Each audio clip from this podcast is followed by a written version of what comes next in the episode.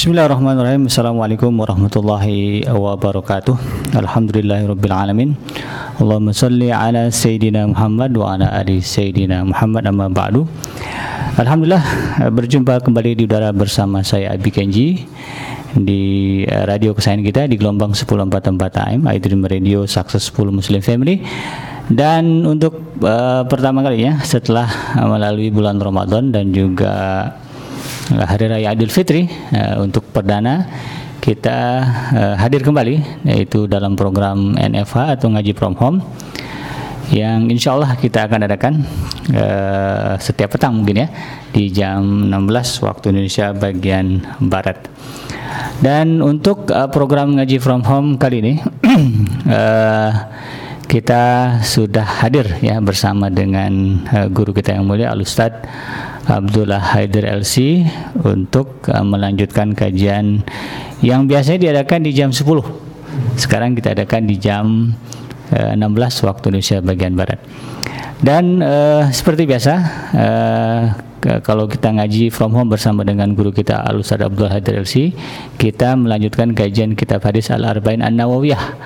Dan uh, kita menyambung kajian yang lalu yaitu uh, sekarang masuk hadis yang ke-27 dengan tema kebaikan dan ketenangan jiwa. Namun sebelumnya saya Abi Kenji beserta kru yang bertugas di iDream Radio mengucapkan uh, taqabbalallahu minna wa minkum Uh, semoga Allah Subhanahu wa taala menerima segala bentuk ibadah kita selama di bulan Ramadan dan semoga kita semua termasuk uh, ke dalam kelompok orang-orang uh, yang disebutkan minan aidin wal faizin orang-orang yang kembali kepada kesucian dan juga uh, termasuk ke dalam golongan orang-orang yang menang ya. Dan tidak berlama-lama. Oh ya, saya ingatkan lagi bagi Anda yang bergabung bersama kita melalui channel YouTube di uh, channel iDream TV. Uh, jangan lupa untuk menekan tombol like dan juga subscribe ya. Karena itu merupakan bagian dari dukungan nyata uh, dari Anda untuk kemaslahatan berbagai program yang ada di iDream Radio. Dan tidak lupa juga bagi Anda yang ingin uh, memberikan donasi atau uh, apa namanya menafkahkan sebagian rezekinya untuk uh, berbagai program dakwah yang ada di iDream Radio dan juga di iDream TV. Anda bisa uh, memberikannya melalui nomor rekening di Bank Syariah Mandiri di nomor 71233077776. Saya ulangi di nomor Bank Syariah Mandiri di 71233077776. Dan bagi Anda yang nanti ingin bertanya kepada guru kita terkait dengan bahasan kita pada hari ini yaitu tentang kebaikan dan ketenangan jiwa, Anda bisa bertanya melalui nomor WhatsApp di 0822 Insya Allah uh, nanti kita akan adakan sesi tanya jawab ya.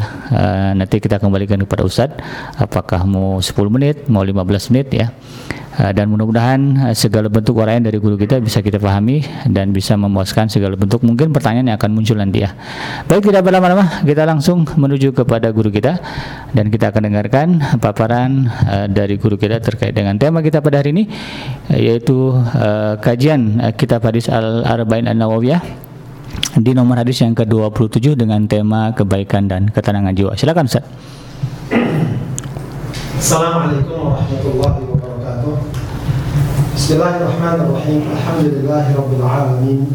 نحمده ونعوذ بالله من شرور أنفسنا ومن سيئات أعمالنا. من يهده الله فلا مضل له ومن يضلل فلا هادي له أشهد أن لا إله إلا الله وحده لا شريك له وأشهد أن محمدا عبده ورسوله لا نبي بعده.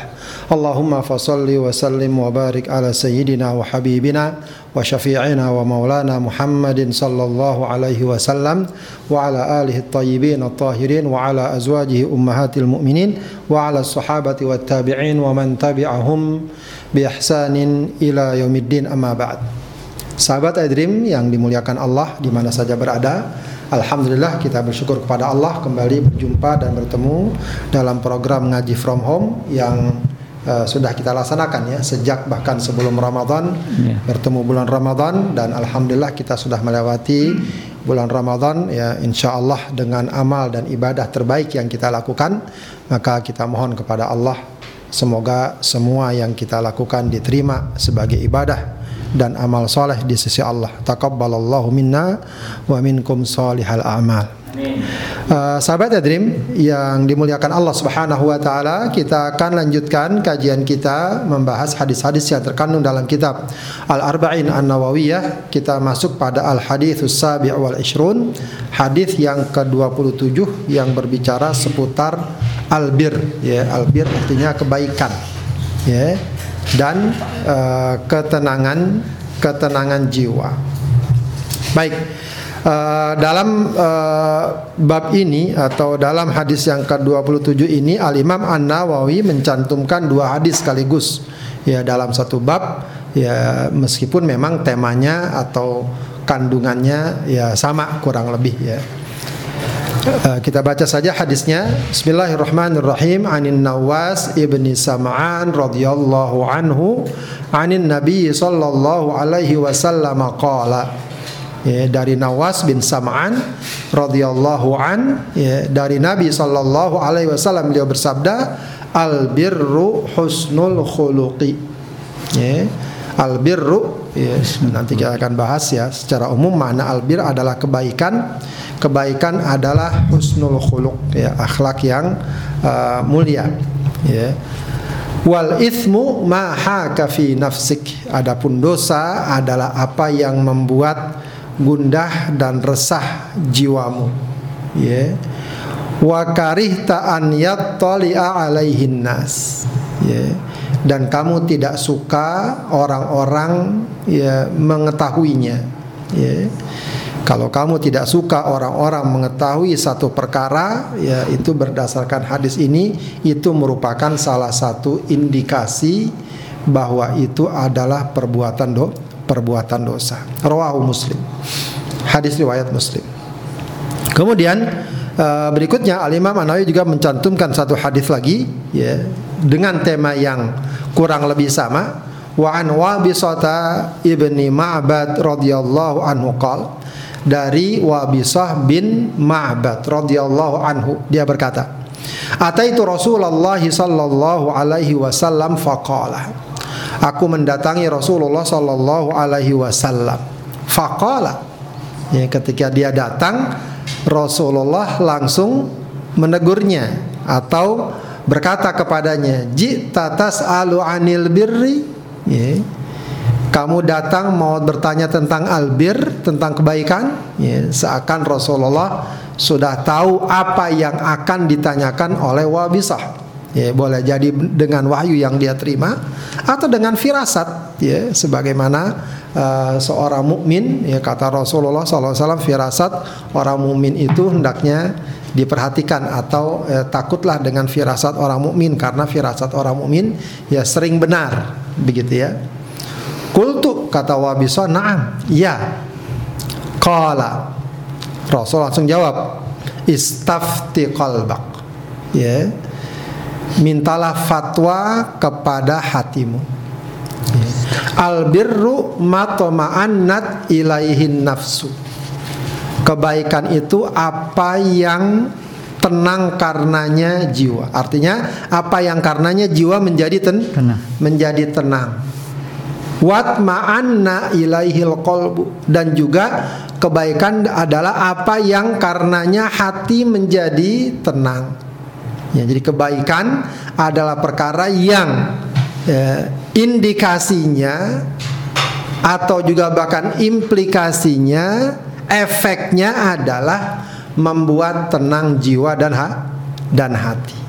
Wal ismu adapun dosa maha kafin nafsi. Ya, dosa adalah perkara yang membuat resah atau mengganggu ya. Mengganggu jiwa ya, watarod dada dan juga ya membuat sesuatu menjadi ya kalau taroddad itu artinya bolak-balik ya. Ya perkara yang juga menggambarkan ketidaktenangan ya membuat dada jadi uh, bergetar ya, takut khawatir ya kurang lebih seperti itu maknanya ya Wa in aftakan nasu wa aftauka. Meskipun orang-orang siapa pun memberikan fatwa kepadamu, memberikan penjelasan kepadamu ini boleh atau ini benar atau ini dan lain sebagainya. Begitu ya. Maka itu tidak dapat menghilangkan uh, suasana uh, jiwanya, dadanya yang tidak nyaman dan tidak tenang karena perbuatan dosa yang dia laku yang dia lakukan. Yeah. Hadithun hasanun rawainahu fi musnadai al-imamain uh, Ahmad bin Hambal wa Darimi bi isnadin hasan. Kata Imam Nawawi, inilah hadis hasan yang kami riwayatkan dari dua kitab musnad ya, yaitu uh, Imam Ahmad bin Hambal, Musnad Ahmad bin Hambal dan uh, Musnad Ad-Darimi ya, dengan sanad yang hasan. Baik, Uh, sahabat tadi yang dimuliakan Allah Subhanahu wa taala, uh, tema hadis ini kalau kita perhatikan dengan hadis-hadis sebelumnya hmm. ya ada beberapa irisan-irisan atau makna yang uh, juga memiliki kesamaan dan kemiripan. Ya, kurang lebih ya cukup besar tampaknya Al Imam An Nawawi dalam hadis-hadis dalam kitab uh, Al Arba'in An Nawawi ini memberikan porsi pada dua tema penting. Pertama tema tentang kemuliaan akhlak. Hmm. Yang kedua tema tentang ya komitmen terkait dengan masalah uh, halal haram, dosa atau tidak begitu ya. Artinya bagaimana seorang muslim dituntut untuk sedapat mungkin menjaga dirinya dari perkara-perkara yang Allah larang. Begitu ya. Ah, kurang lebih uh, hadis-hadis ini berbicara seperti itu. Ya, baik uh, kita coba gali lagi secara detail. Ya, perawi hadis ini ada dua, Nawas bin Sam'an dan Wabisa bin Ma'bad. Ya, namun memang uh, sejauh dari penelusuran saya uh, tidak terlalu banyak ya informasi tentang kedua sahabat ini. Hmm. Ya, Nawas bin Sam'an uh, diriwayatkan bahwa dia adalah Ansari, penduduk Madinah, ya, tapi dia juga uh, tinggalnya di negeri Syam, ya, sempat bertemu Rasulullah selama setahun saja dan karena tidak banyak meriwayatkan hadis ya, dan itu pun setelah wafatnya Rasulullah dia kembali ke negeri Syam dan wafat di sana. Ya, akan tapi tetap saja sahabat adalah sahabat. Iya. Mereka adalah orang-orang mulia. Bahkan uh, mungkin banyak sahabat yang namanya saja kita nggak tahu. Iya. Ya. Dari sekian puluh ribu bahkan ada yang mengatakan seratus ribu sahabat. Yeah. Berapa sahabat yang kita tahu namanya? Gak sebagian besar apa sebagian kecil? sebagian kecil. Sebagian kecil saja. Yeah. Bahkan juga sebagian kecil lagi yang kita tahu sirahnya yeah. atau sejarah sejarahnya. Artinya mereka tetaplah mulia. Ya radhiyallahu anhum wa ardhahu. Wabisa bin Ma'bad juga begitu. Uh, kunyahnya Abu Salib ya dia masuk Islam juga di masa-masa akhir yaitu masa kedatangan uh, para apa namanya wufud ya atau delegasi-delegasi dari berbagai macam suku. Ya, dia uh, datang uh, masuk Islam pada tahun 9 Hijriah. Namun kemudian uh, setelah Rasulullah wafat dia tinggal di Kufah, lalu kemudian tinggal juga di Rakah di negeri Syam dan wafat di sana. Hmm. Baik. Uh, Terkait dengan hadis ini, Ibnu Hajar Al-Haythami mengatakan hadis ini seperti memang umumnya dicantumkan dalam hadis-hadis yang terdapat dalam kitab Al-Arba'in An-Nawawiyah disebut sebagai hadis yang masuk dalam kategori Jawami'ul Kalim, hmm. ya, yaitu hadis yang singkat yang uh, apa namanya sedikit redaksinya tapi padat maknanya. Hmm. Ya. Uh, karena di sini ada dua uh, kata kunci al-birru dan al-ithmu. Al-birru adalah menggambarkan semua makna kebaikan, al-ithmu adalah menggambarkan semua makna keburuk keburukan. keburukan. Ya. Baik. Rasulullah SAW mengatakan al-birru husnul khuluq. Ya, al-birru husnul khuluq. Baik, al-birru itu apa? Ya. Eh, para ulama eh, dari segi bahasa menyatakan bahwa albir eh, di, dalamnya terdapat makna kejujuran, ketaatan, kebaikan, keutamaan.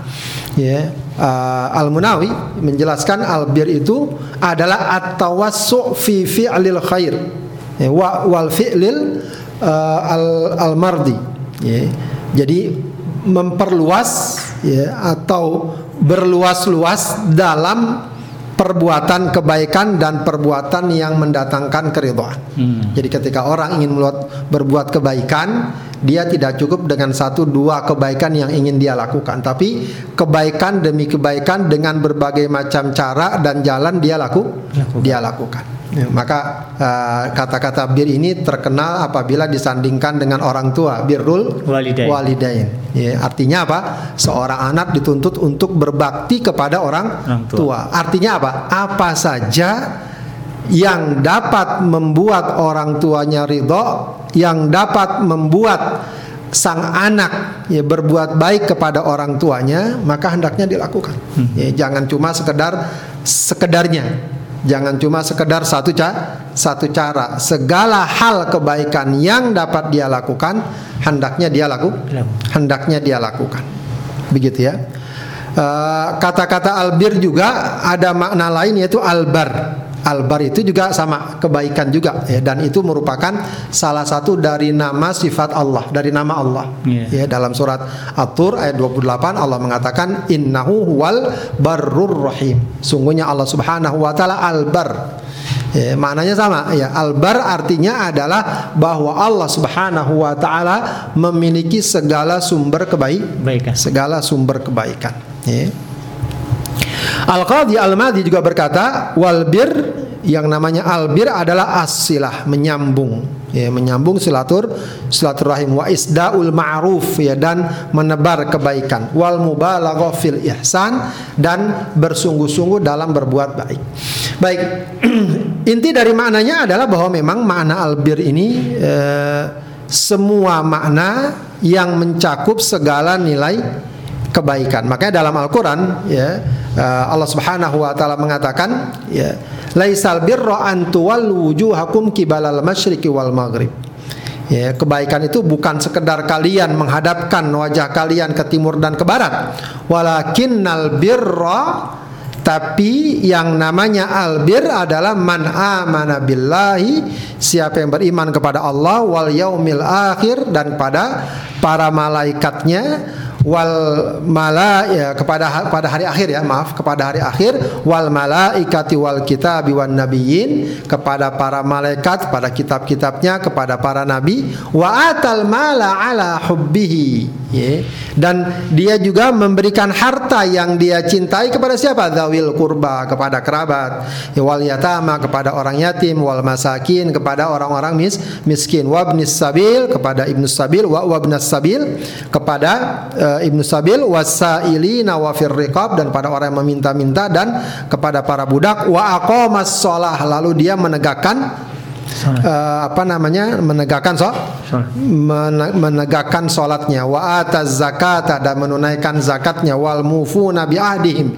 idza ahadu dan mereka juga adalah orang yang menunaikan janjinya apabila berjanji. Wal wasabirina fil ba'sa dan juga orang-orang yang uh, bersabar ya, dalam berbagai musibah wadharra wa hinal ba's ya.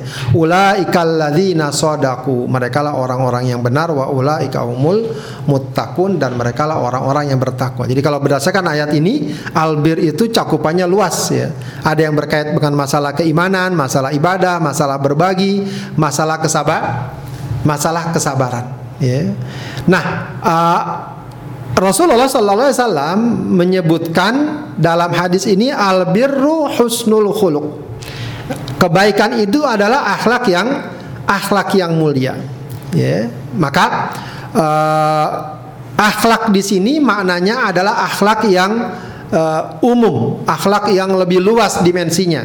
Ya, yaitu ya, akhlak yang terkait kepada Allah Subhanahu wa taala dalam arti kita berbuat baik kepada Allah ya apa bentuknya? Dengan bertauhid kepadanya beribadah kepadanya dengan juga berbagai macam ketaatan yang dapat kita berikan ya dan juga akhlak kepada sesama ya akhlak kepada makhluk ya bentuknya dengan berbagi menggembirakan menyenangkan menolong tidak menyakiti tidak menzalimi dan seterusnya. Itu yang dimaksud dengan husnul khuluq terkait dengan albirru di sini. Ya maka kalau dikatakan bahwa dalam hadis yang lain juga Rasulullah mengatakan ad-dinu husnul khuluq. Agama adalah akhlak yang mulia. Ya maka pemahaman akhlak yang mulia di sini adalah segala bentuk kebaikan muamalah kita baik yang berkaitan kepada Allah Subhanahu wa taala ataupun kepada sesama sesama makhluk. Ya, tentu saja ini juga memberikan pesan dan makna yang sangat dalam ya, betapa ya, tuntutan bagi kita setiap muslim untuk menjaga dan memelihara akhlak kita. Ya karena dia merupakan unsur kebaikan atau albirru yang sangat yang sangat besar. Ya, bahkan Rasul dalam satu hadis mengatakan kalian akan dapat mencapai derajat as-saimil qaimi. Orang yang suka puasa dan suka qiyamul lail. Ya mungkin kalau di bulan Ramadan ya kita sangat dekat dengan ibadah puasa sangat dekat dengan qiyamul lail di luar Ramadan mungkin sudah ada penurunan-penurunan ya. Tapi ada derajat ya atau ada hal yang kita dapat mencapai derajat orang yang suka qiyamul lail dan puasa. Hmm. Apa? Ya, yaitu dengan mewujudkan akhlak yang mulia. Orang ketika akhlaknya mulia, ya, maka ya, dia kata Rasulullah akan dapat mencapai ya derajat orang yang suka puasa dan suka kiamul kiamul lail. Ya, maka kalau diperhatikan uh, himpunan dalam hadis-hadis dalam kitab Arba'in Nawawi ini memang cukup banyak memberikan porsi kepada kita, memberikan arahan kepada kita untuk betul-betul menjaga, merawat ya, dan menghadirkan akhlak yang terpuji dalam kehidup kehidupan. dalam kehidupan dan memang faktanya demikian. Yeah. Ya, faktanya ajaran Islam memang sangat besar memberikan uh, perhatian kepada masalah kepada masalah akhlak. Kemudian Rasulullah SAW mengatakan wal ithmu ma haka fi nafsik wa karihta an yattali'a. Setelah Rasulullah menjelaskan tentang albir dengan makna yang sedemikian luas dari kata albir tersebut, Rasulullah menyebutkan lawan ya, antitesis dari albir apa? Al ithm. Dosa. Ya, dosa. Ya. Maka ini memberikan makna ya sebagaimana kita dituntut sedemikian rupa untuk melakukan kebaikan kita pun dituntut sedemikian rupa untuk meninggalkan dan menjauhi do dosa. menjauhi dosa begitu ya dan jangan sekali-kali seorang berpikir ya bahwa dia merasa ringan berbuat dosa karena merasa telah berbuat kebaikan yang banyak hmm. Paham nggak yes, ya, kadang ada sadar atau tidak sadar Orang merasa ah saya nggak apa-apa lah cuma begini. Toh saya sering sholat. Udah haji. Oh saya udah haji. saya udah banyak sedekah. Yeah. Tidak. Ya tidak begitu sikap seorang muslim. Yeah. Sikap seorang muslim adalah ya dia dituntut untuk sedapat mungkin berbuat kebaikan baik yang terkait kepada Allah atau kepada sesama dan sedapat mungkin dia meninggalkan segala macam bentuk perbuatan yang dapat mendatangkan dosa. Hmm. Ya, ini pun juga kaitannya baik kepada Allah atau kepada sesama, hmm. kepada makhluk atau kepada sesama. Ya, jadi jangan mentang-mentang merasa sudah sering puasa, lalu dia merasa ringan berbuat satu dua dosa yang dia lakukan. Ya. Perkara seseorang tergelincir itu bab lain. Nih, bab lain. Tapi jangan sampai dia ya melegitimasi hal tersebut semata-mata karena dia sudah banyak melakukan kebaik kebaikan. Ya, ini juga satu perkara yang hendaknya kita ingatkan dan makanya sering selalu dalam Al-Qur'an atau banyak dalam Al-Qur'an sering disebutkan dua sisi ini. Sisi antara tuntutan untuk melakukan ketaatan, di sisi lain ancaman terhadap perbuatan-perbuatan kemaksiatan. Sebagaimana nanti di akhirat ya, dua perkara itu akan terpisah total.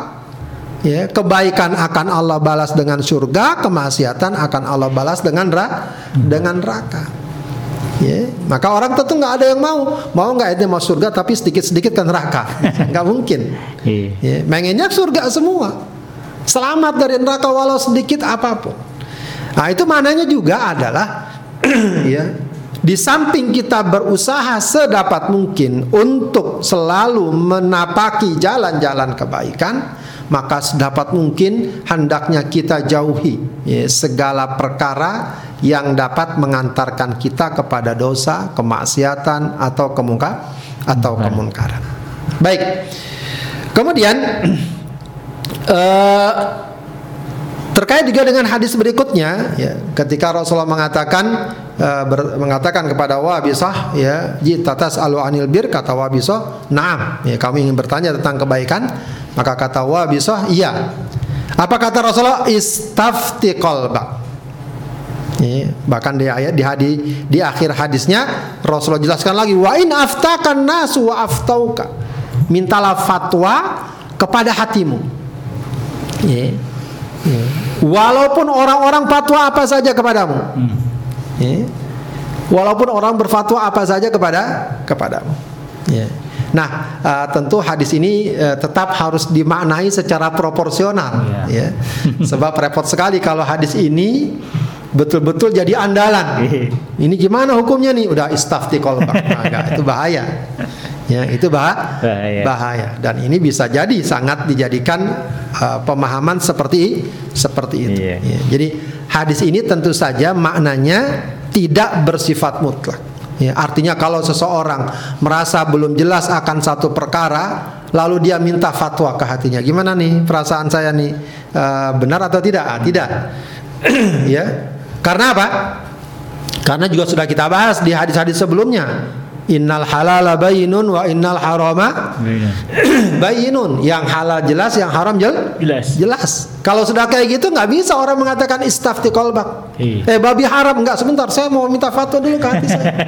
babi haram nggak nggak bisa. Itu sudah jelas. Yang halal jelas, yang haram jelas. Jelas. Ya. Atau kebalikannya ini halal. Nggak ada yang menunjukkan ini haram. Oh nggak bisa saya tanya dulu ke hati saya tidak. Kalau haram jelas, haram jelas maka ya, di sini bukan tempatnya orang mengatakan istafti kol, istafti kol. Ya, terus juga kalaupun belum jelas, nggak juga lantas kemudian dia katakan minta fatwa di hatimu iya. tidak. Kenapa? Karena juga kaidah dalam ajaran Islam kalau kita belum paham apa kata Allah fasalu ahla dzikri in kuntum la ta'lamun ya bertanyalah kepada ahlu dzikri ya orang atau para ulama jika kalian tidak mengetahui mengetahui jadi uh, apa yang disebut dengan istifta minta fatwa itu petunjuk dasarnya adalah minta fatwa kepada para ulama hmm. yang telah diakui, dikenal, dia percaya baik ilmu dan agama hmm. agamanya. Itu kaidah dasarnya. Itu kaidah dasarnya. Jadi jangan sampai oh saya belum paham nih hukumnya. Ya, kalau begitu saya minta fatwa ke hati saya, nggak bisa. Begitu ya. Minta fatwa kepada para ulama, pada ulama, kepada orang-orang yang dia paham ilmu dan agama dan agamanya. Begitu ya. Lalu kapan pemahaman istafti kolbak ini para ulama mengatakan ya kalau memang e, belum ada fatwa dan kedudukan yang jelas. Artinya dia e, mungkin belum sempat atau paling tidak e, belum ada orang yang bisa dia minta fatwanya dan lain sebagainya. Ya sementara e, dia berhadapan dengan satu perkara dan seterusnya. Maka dia ketika itu e, boleh ya me, me, apa namanya bertanya kepada hatinya atau uh, berdialog dengan jiwanya. Ya ini benar atau tidak? Penuh dengan kehati-hati penuh dengan kehati-hatian. Atau fatwa-fatwa para ulama ada cuma ya apa ini berbeda-beda kadang-kadang apa namanya e, bertolak belakang dan semacamnya. Dan dia tidak bisa menguatkan satu sama lain. Hmm. begitu ya artinya atau menguatkan di sini bukan berarti dia harus meneliti dalilnya enggak. E, bisa juga dengan makna oh saya lebih percaya kepada ulama fulan atau guru saya dan seterusnya. Jadi betul-betul dia belum e, paham. Atau juga uh, fatwa yang dia dapatkan bertentangan dengan dalil-dalil umum yang sudah umum dikenal. Ya misalnya dia ada uh, pemahaman yang memang sudah dikenal. Nah ini kok ada fatwa misalnya, hmm. ada fatwa bahwa apa istilahnya ya uh, boleh misalnya nggak puasa Ramadan misalnya, yeah. ya walaupun dari seorang yang mungkin dikatakan ulama hmm. misalnya. Sementara yang sudah umum dikenal adalah wajib, wajib dan seterusnya, begitu ya. Jadi fatwa-fatwa yang atau pendapat-pendapat yang e, bertabrakan dengan pemahaman-pemahaman yang umum. Paling tidak istafti kolbak di sini maknanya tidak langsung dia respon iya atau tidak. Hmm. Paham nggak? Yes. Paling tidak bukan berarti istafti kolbak kita cari Eh, kesimpulan lewat hati kita lalu kita enggak ini haram, ini halal, tidak.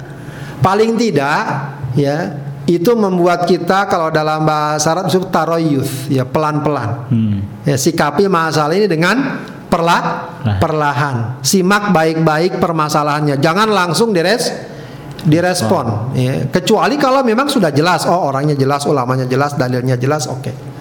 Ya, kalau tidak, coba tahan dulu.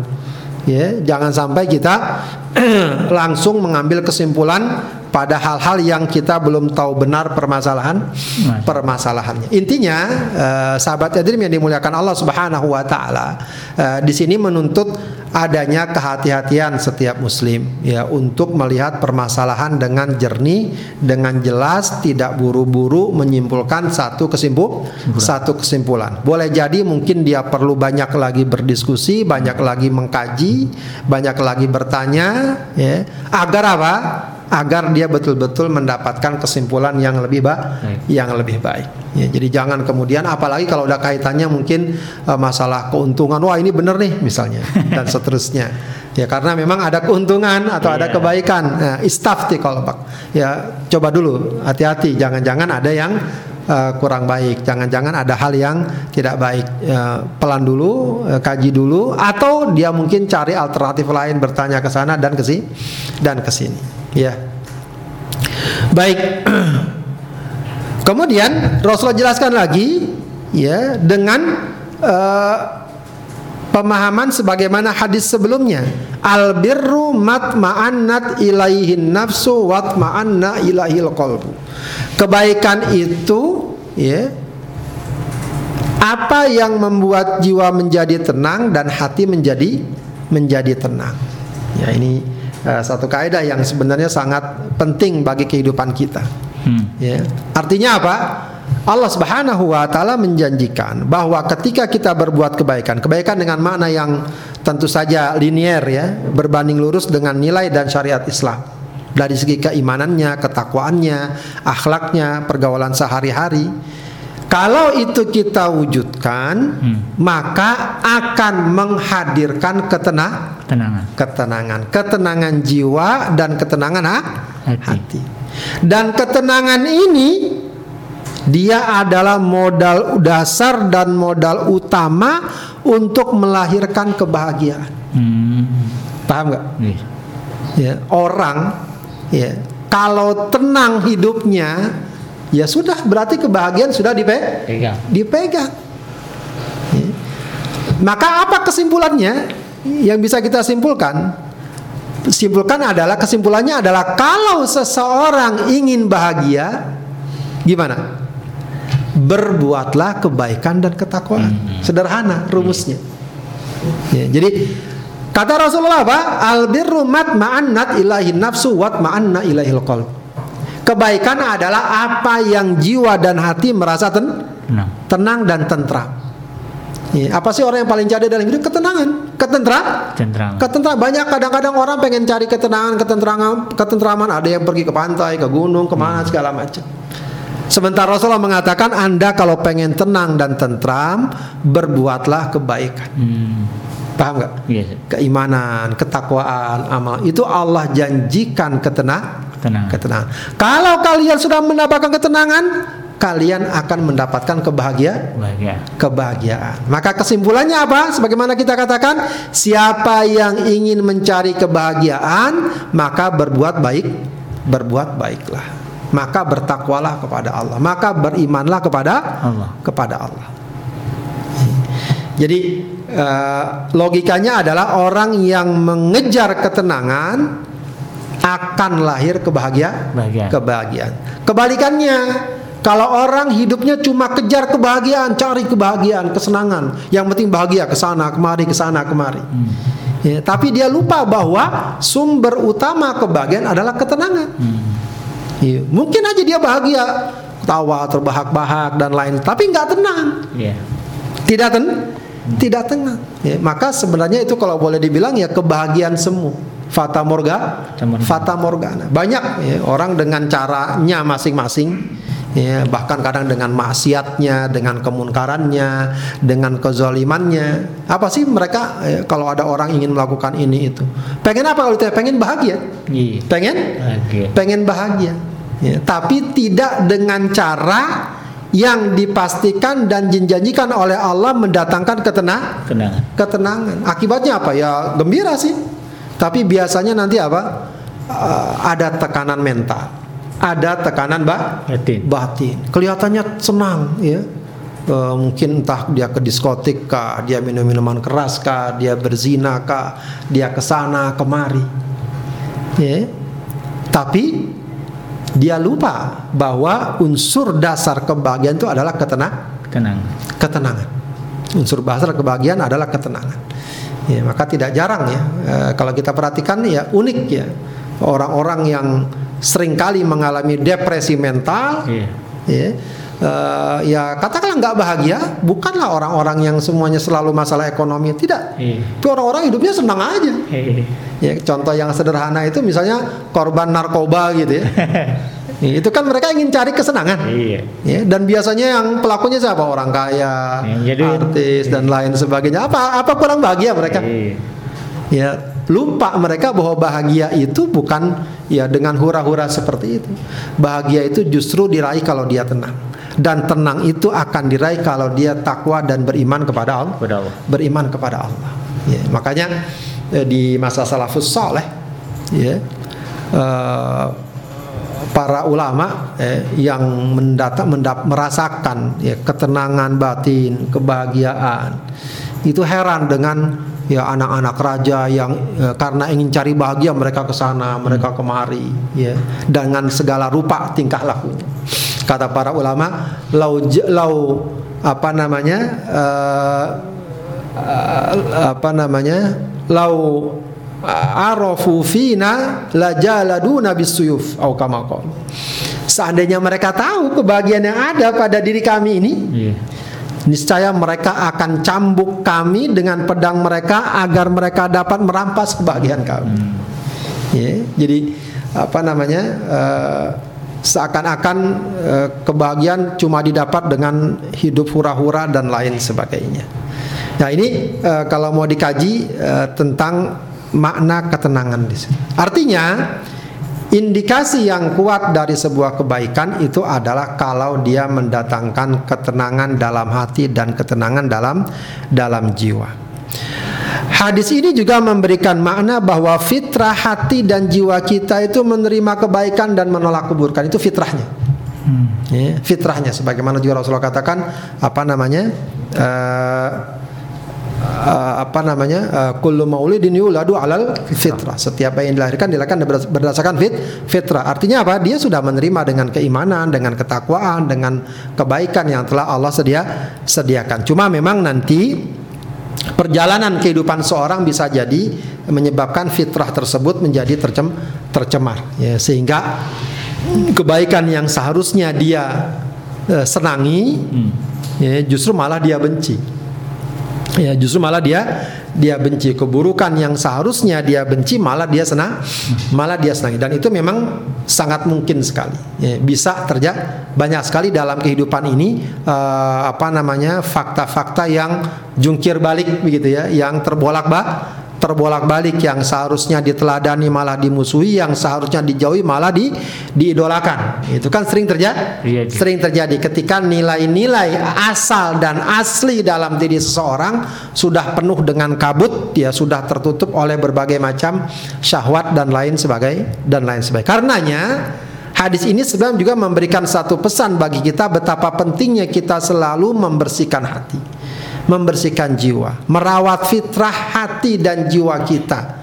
Ya agar apa? Agar selalu senang dan tenang dengan kebaikan dan ketaatan. Ya, agar tidak menerima ya segala macam bentuk dosa dan kemunka dan kemunkaran. Ya Begitu pula kebaliknya wal ithmu maha kafin nafsi wa taraddada fis sadr.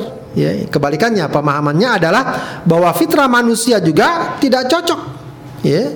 Ya, Fitrah manusia itu menyukai dan cocok dengan ketaatan dan tidak cocok dengan dosa dan kemunkaran. Ya, jadi dosa ini sebenarnya secara mental itu sama juga dengan fisik tubuh kita. Di tubuh kita ini, ya, kalau ada benda asing dalam tubuh, biasanya apa tubuh akan bereaksi nggak? Iya. Ya, misalnya kalau dulu kan sering cerita ada orang dioperasi uh, ternyata guntingnya ketinggalan di dalam gitu ya.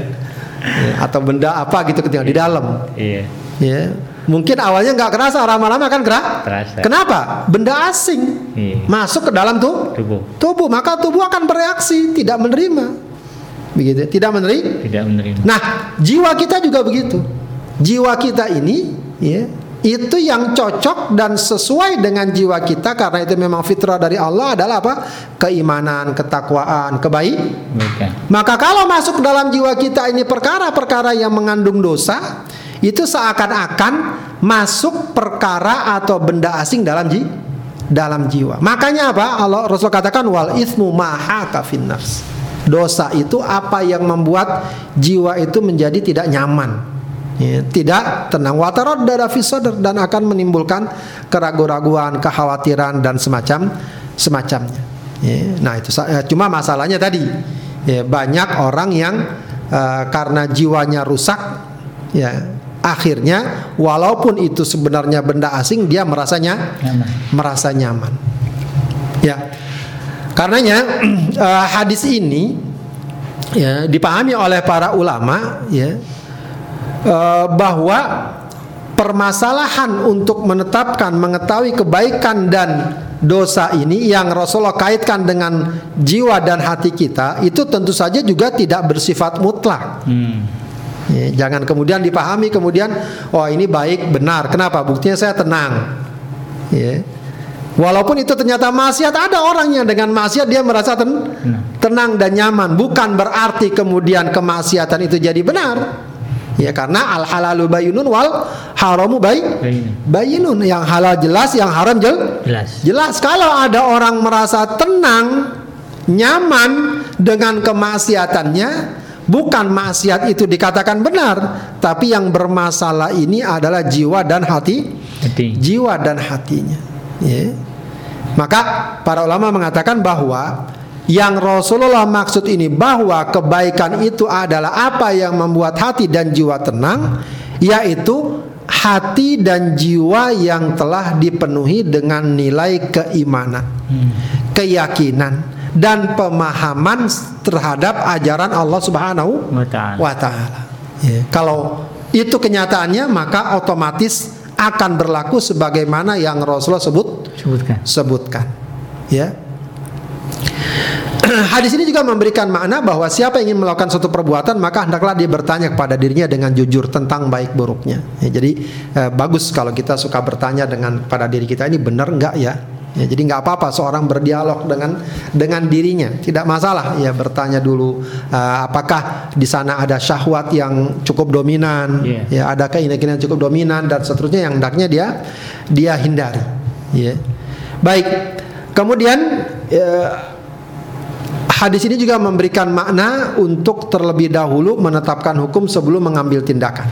Ya, jadi eh, ini yang kadang-kadang kita juga suka terlewat ya seorang sering kali mengambil tindakan baru bertanya ini boleh apa enggak gitu ya. Seben- seharusnya dia pastikan dulu hukumnya boleh baru dia laku Lakukan. dia lakukan apalagi untuk peristiwa-peristiwa yang yang besar tindakan-tindakan yang yang besar. Ya seorang misalnya mau melakukan transaksi seorang baru melakukan akad mau misalnya membangun rumah tangga ini boleh enggak gitu ya. Iya. nah itu pas pastikan dulu. Jangan udah akad udah punya anak baru tanya boleh enggak nah, itu repot. Kalau ternyata enggak boleh gimana? Wah, itu kan akan banyak akibat. Akibatnya. akibatnya. Khususnya perbuatan-perbuatan yang besar coba dulu tanya ya cari beberapa sumber ya atau dia mungkin bisa eh, mengkaji dan semacamnya maka sebelum terlalu jauh masuk ke dalam maka dia pastikan dahulu dia pastikan dahulu ya.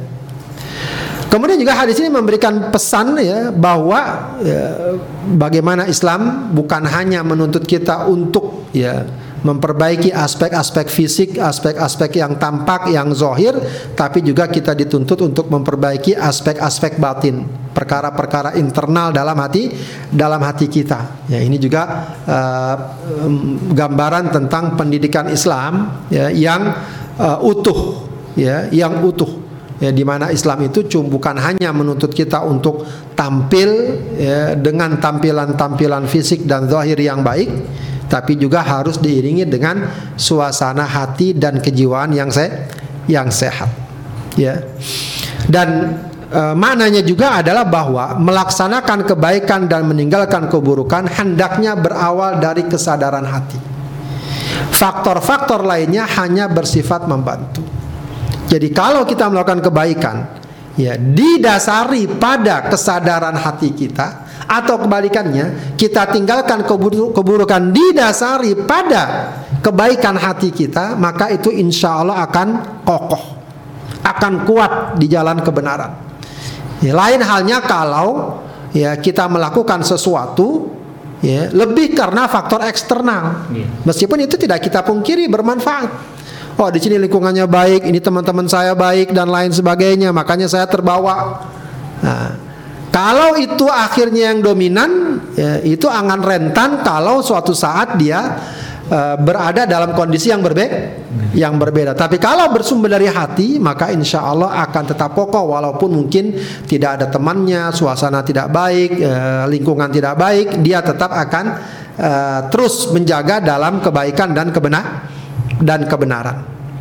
Ya, ya. Uh, kemudian juga terkait dengan masalah kebersihan hati ini Rasulullah Sallallahu Alaihi Wasallam membuat satu gambaran dalam hadis riwayat Muslim ya, bahwa hati itu ya itu kalau diibaratkan ya, kalau ada dosa yang masuk ke dalamnya kemaksiatan yang masuk ke dalamnya maka dia akan memberikan titik hitam.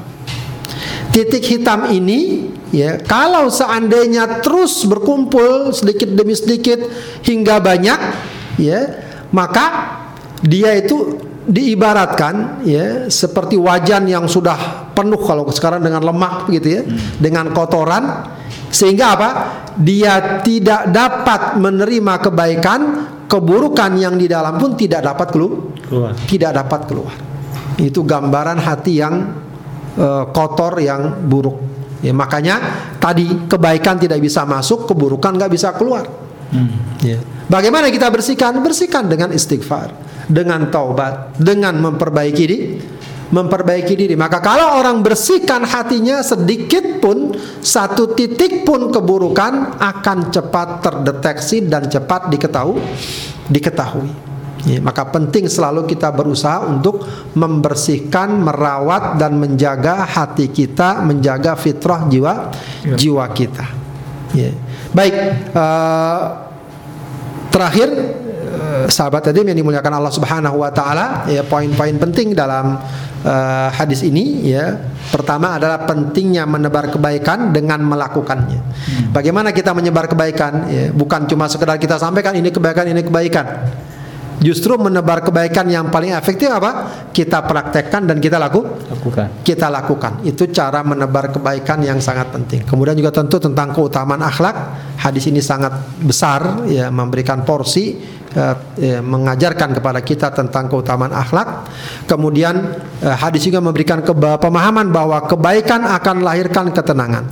Ketenangan akan lahirkan kebahagiaan. Maka kesimpulannya jika ingin bahagia berbuatlah kebaikan berbuatlah apa yang Allah ridhai, apa yang Allah perintah perintahkan. Ya.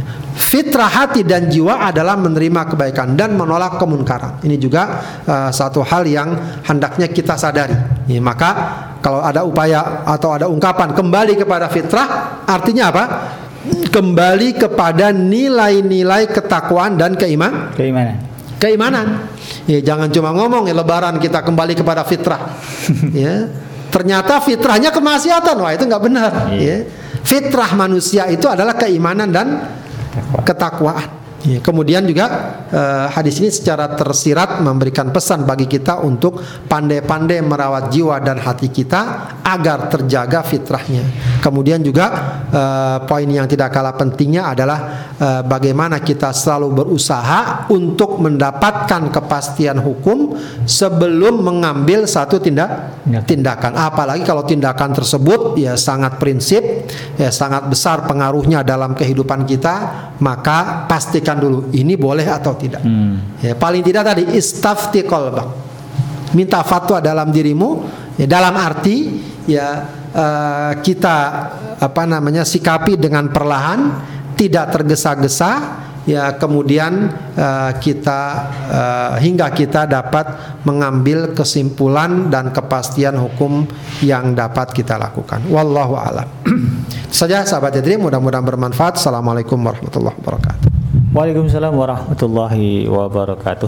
Uh, jazakumullah Ustaz atas segala uraian terkait dengan tema kita pada hari ini yaitu uh, kebaikan dan ketenangan jiwa yang diuraikan di dalam hadis yang ke-27 dari kitab uh, Al-Arba'in An-Nawawiyah. Mudah-mudahan bisa kita pahami dan bisa kita ambil manfaatnya. Dan uh, masih ada waktu Ustaz. Sebetulnya dijadwal sampai jam 17. Tapi kita buka sesi tanya jawab ya bagi Anda yang ingin bertanya kepada guru kita terkait dengan uh, tema pada hari ini yaitu ke kebaikan dan juga ketenangan jiwa atau juga mungkin kalau ada pertanyaan-pertanyaan uh, lain yang terkait dengan eh, masalah-masalah uh, yang dibahas di hadis sebelumnya. Kalau memang masih ada sangkutan, ada ganjalan dan Anda bisa langsung bertanya kepada guru kita. Jadi bagi Anda yang mendengarkan kita melalui gelombang 1044 AM uh, program ini sedang disiarkan langsung. Anda bisa bertanya melalui nomor WhatsApp di 0822 9888 1044. Dan uh, Anda juga bisa menyimak kita melalui streaming di www.idreamradio.id. Jadi kalau seandainya YouTube-nya ngehang, ya, Anda bisa manfaatkan gadgetnya uh, streaming ya di www.idreamradio.id. Dan uh, tidak lupa juga saya ingatkan bahwa program ini disponsori oleh Lembaga Zakat Sukses. Jadi bagi yang ingin uh, menyalurkan zakatnya, ya zakat mal terutama ya kalau setelah Idul Fitri, kalau memang haulnya baru sampai di bulan ini, silakan Anda bisa eh, menyampaikannya ke lembaga zakat sukses ya. Dan juga bagi Anda yang ingin mendonasikan sebagian hartanya untuk kemaslahatan berbagai program dakwah yang ada di iDream Radio, eh, anda juga bisa uh, menyalurkan donasi Anda melalui nomor rekening Bank Syariah Mandiri atas nama Khairul Insan Yayasan di nomor 712 776. Mudah-mudahan uh, dinilai sebagai amal jariah yang pahalanya akan Anda dapatkan ketika nanti menghadap Allah Subhanahu wa taala dan tidak terputus ya. Selagi nanti masih ada orang yang memanfaatkan berbagai program dakwah yang ada di iDream Radio dan juga di iDream TV. Baik. Uh, Ustaz sambil nunggu pertanyaan uh, Oh ini sudah ada pertanyaan Ustaz uh, Ini pertanyaan dari jamaah tetap kita jadi Ustaz ya dari Jerman nih. Uh, mau bertanya Ustaz, uh, pembersihan dosa itu terkait dengan uh, surah An-Nur ayat yang ke-35. Itu seperti apa uh, detailnya itu penjelasannya Ustaz? Silakan Ustaz. Surat An-Nur yang mana tuh ya? Ayat yang ke-35. Iya.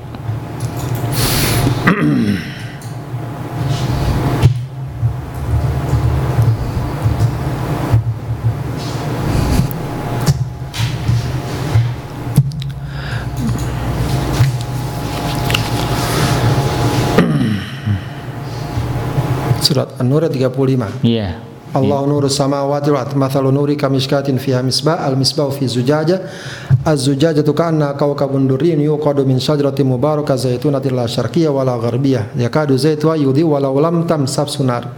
Nurun ala nur yahdillahu li nurihi man yasha wa yadribullahu al-amthal linnas wallahu bikulli syai'in alim. Wallahu alam uh, ini mungkin perlu pendalaman ya dari segi uh, penafsirannya karena ayat ini memang uh, berbicara tentang uh, kemuliaan Allah Subhanahu wa taala yang uh, apa namanya Allah katakan uh, Allah adalah cahaya ya bagi uh, uh, pemberi cahaya bagi uh, langit dan bumi yang hmm. perumpamannya adalah sebagaimana Allah yang sebut sebutkan dalam ayat tersebut ya. Uh, terkait dengan bagaimana membersihkan dosa terkait dengan ayat ini uh, saya belum bisa menangkap dan memberikan uh, kesimpulan ya. Yang jelas uh, secara umum uh, membersihkan diri dari dosa itu juga tidak bukan sesuatu yang uh, berbelit-belit ya, bukan sesuatu yang uh, membutuhkan sebuah uh, prosedur atau ritual yang apa bagaimana begitu ya sebagian orang uh, atau sebagian ajaran kadang-kadang orang yang ingin uh, bertaubat, yang ingin mensucikan dirinya, dia harus melakukan ritual ini dan itu tidak. Uh, bagi seorang muslim sederhana saja. Ya. Kalau seandainya dia ingin bertaubat, sudah ya tampilkan penyesalan atas perbuatan-perbuatan dosanya hmm. ya, dan dia kemudian mohon ampun kepada Allah Subhanahu wa taala dan dia berjanji untuk memperbaiki diri itu sudah cukup. Ya, sudah sudah cukup dengan segala apa yang uh, telah Allah minta dan Allah tuntut dalam uh, kehidupan uh, dalam kehidupannya. Ya, maka uh, terlepas dengan makna ayat ini, ya, uh, intinya adalah orang kalau ingin mensucikan jiwanya, mensucikan hatinya, khususnya dari uh, apa namanya kotoran dan uh, apa istilahnya karat-karat dosa dan kemunkaran Cukup dia perbaharui taubat dengan sebenarnya, taubatan nasuha ya dan memenuhi segala syarat-syaratnya yang tadi apakah dia menyesali, dia tinggalkan dan dia berjanji untuk tidak melakukannya lagi. Maka itu insya Allah sudah merupakan wujud dari upaya untuk mensucikan jiwanya dan mensucikan hati, mensucikan hatinya. Wallahu a'lam. Hmm, jadi mungkin ini kaitannya dengan ini kali ya, tarekat-tarekat gitu ya mungkin yang ditanyakan ibu. Wallahu a'lam. Iya iya. Ya baik ya ibu. Uh, mudah-mudahan yang bertanya dari bisa dipahami. Jadi uh, untuk bertaubat itu mudah tidak jelimet. Yang penting adalah tekad kita. Uh, bagaimana uh, kita ingin kembali kepada Allah Subhanahu wa taala dan juga kembali kepada kesucian jiwa kita. Nah Ustaz ini ada pertanyaan Ustaz dari uh, hamba Allah. Ustaz bagaimana hukumnya mengkonsumsi uh, makanan yang mengandung perasa sintetik yang artinya adalah belum tentu bersumber dari bahan yang asli. Tetapi masalahnya adalah ini rasa dengan nama barang-barang atau uh, uh, jenis-jenis hewan yang diharamkan misalnya rasa sintetik yang berasal misalnya rasa uh, kari babi misalnya. Nah, itu seperti apa hukumnya?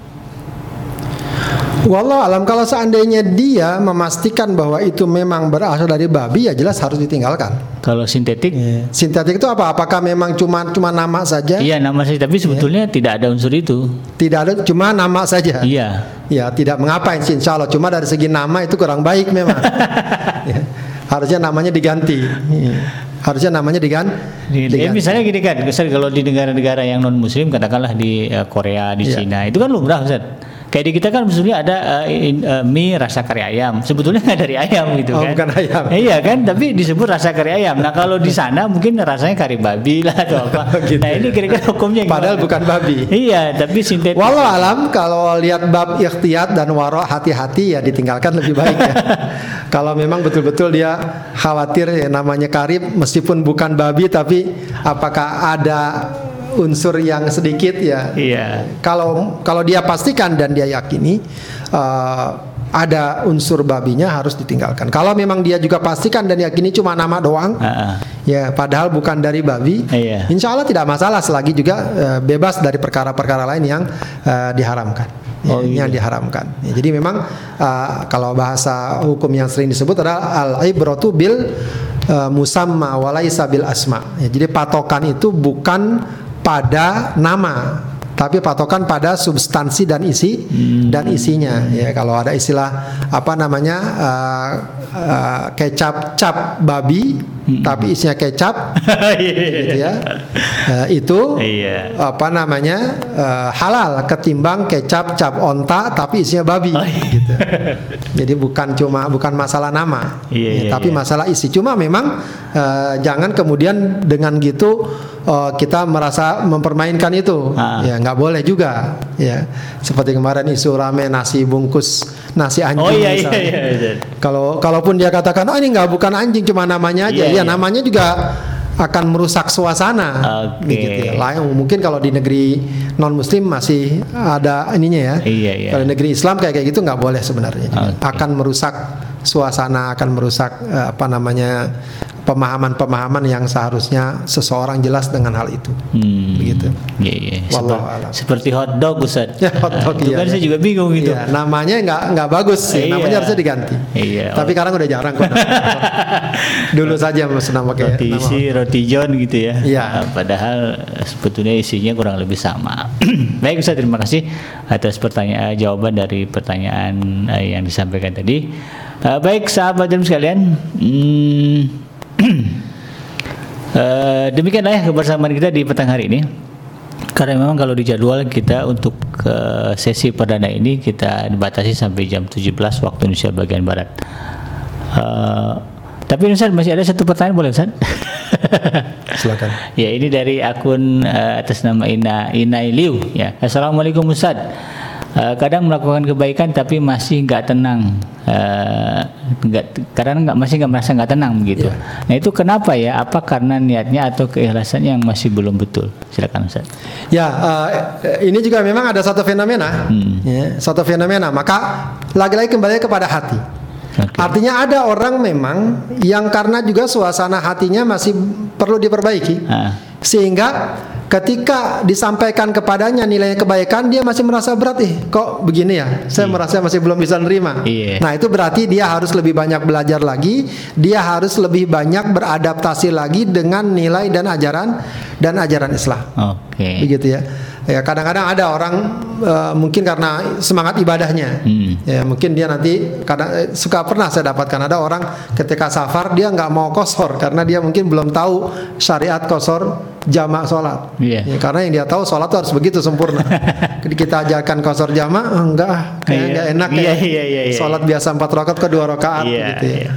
begitu ya Eh, sehingga dia merasa berat Iya. Ya, Nah ini eh, ini yang kayak kayak gini biasanya butuh pemahaman yang lebih kuat. Oke. Kalau pemahamannya kuat dan dia tahu ya apa namanya bahwa ini juga merupakan bagian dari syariat Allah Subhanahu wa taala, Hmm, iya iya. ya, maka dia akan tenang. Jadi itu lebih kepada pemahaman. Iya. Ya, sama seperti orang eh, punya penyakit beser gitu kan. Ah. Eh, ini gimana saya sholat? Masa sholat sambil keluar Iya. kotoran? Biasanya nggak akan tenang dia. Iya. Dia akan tenang apa kalau pemahamannya sudah kokoh. Hmm. Oh ternyata masalah ini memang sudah ada sejak zaman Rasulullah Hmm. dibahas eh, dan juga ya ternyata nggak masalah dan itu bagian dari kemurahan dan kemudahan is kemudahan Islam. Ya kadang-kadang ada seperti Iya. seperti itu ya kondisi dan situasi seperti itu. Nah yang kayak kayak gini butuh terus pemahaman-pemahaman eh, penyegaran-penyegaran terhadap eh, ajaran Allah Subhanahu wa taala agar dia paham dan dia menjadi tenang bahwa apa yang dia lakukan itu eh, eh, benar. Jadi eh, perkara ketenangan di sini bukan ketenangan yang disebutkan dalam hadis ya. Umumnya orang merasa tidak tenang karena dia ragu ini benar apa tidak. Iya, gitu. iya. Ini boleh apa enggak? Itu Iya. yang kadang-kadang bikin nggak tenang. Iya. Ya. Tapi kalau eh, kalau ketenangan yang tadi dikatakan Rasulullah itu adalah kalau kita benar-benar melakukan kebaikan, ketakwaan, keimanan tentu dengan pemahaman yang benar, maka dia akan melahirkan ketenangan, kenyamanan dalam hati dan dalam jiwa. Iya. Ya, gitu ya. Jadi eh, lebih kepada umumnya terjadi karena dia masih ragu ini benar atau tidak, ini baik atau tidak, begitu ya. Wallahu a'lam. Saya jadi ingat yang Ustaz cerita itu yang boleh membasuh eh, kos kaki itu. Ya, masul khufain. iya, khufain itu kan kalau yang nggak yang nggak biasa kan boleh nggak sih? Eh, enak nggak sih? Eh, iya memang. Ya, bisa jadi agak berat karena eh, yang dia tahu nggak mungkin nggak boleh yang iya harus dibasuh gitu. Harus dibasuh. Padahal situasinya ternyata membolehkan. Baik, eh, terima kasih eh, jamaah sekalian yang eh, telah hadir bersama kita di petang hari ini dalam program Ngaji From Home yang disiarkan langsung dari eh, gelombang 1044 AM iDream Radio dan juga yang eh, streaming ya melalui eh, YouTube kita di channel iDream TV. Mudah-mudahan apa yang disampaikan oleh Ustadz bisa dipahami dengan baik. Dan sebelum kita tutup, eh, kita dengarkan dulu dari Ustadz kita terkait dengan eh, apa namanya pesan-pesan atau mungkin uh, closing statement ya dari uh, tema kita pada hari ini yaitu uh, kebaikan dan ketenangan juga. Dan kalau ada pertanyaan uh, terkait dengan uh, program-program ini nanti insya Allah kita akan jelaskan uh, melalui uh, apa namanya uh, media sosial kita yang ada. Silakan Ustaz. Baik, sahabat yatim yang dimuliakan Allah Subhanahu wa taala, ya pesan hadis ini saya kira cukup jelas ya terkait dengan eh, bagaimana ya kita eh, selalu diingatkan dan dituntut ya untuk eh, selalu menjalani kehidupan kita dengan panduan dan ajaran Allah Subhanahu wa taala uh, karena semua itu pasti akan mengandung kebaikan. Iya. Ya, dan di antara kebaikan yang sangat besar adalah menghadirkan ketenangan dan kenyamanan dalam diri kita. Ya, dan kebalikannya perbuatan-perbuatan yang mengandung maksiat, kemunkaran dan apa yang Allah tidak ridhoi ya pasti akan menimbulkan kegusaran, kekhawatiran dan ketidaknyamanan. Iya. Dan setiap orang secara fitrah pastinya akan memilih dan menginginkan ketentraman dan ketenangan dalam kehidupan. Ya, karenanya juga penting dalam hal ini selalulah kita jaga fitrah jiwa dan hati kita agar ya tetap sebagaimana aslinya yaitu mencintai kebaik kebaikan dan ketakwaan. Wallahu a'lam. Baik eh, sahabat dari sekalian demikianlah eh, kebersamaan kita dalam program ngaji forum home edisi perdana di bulan Syawal.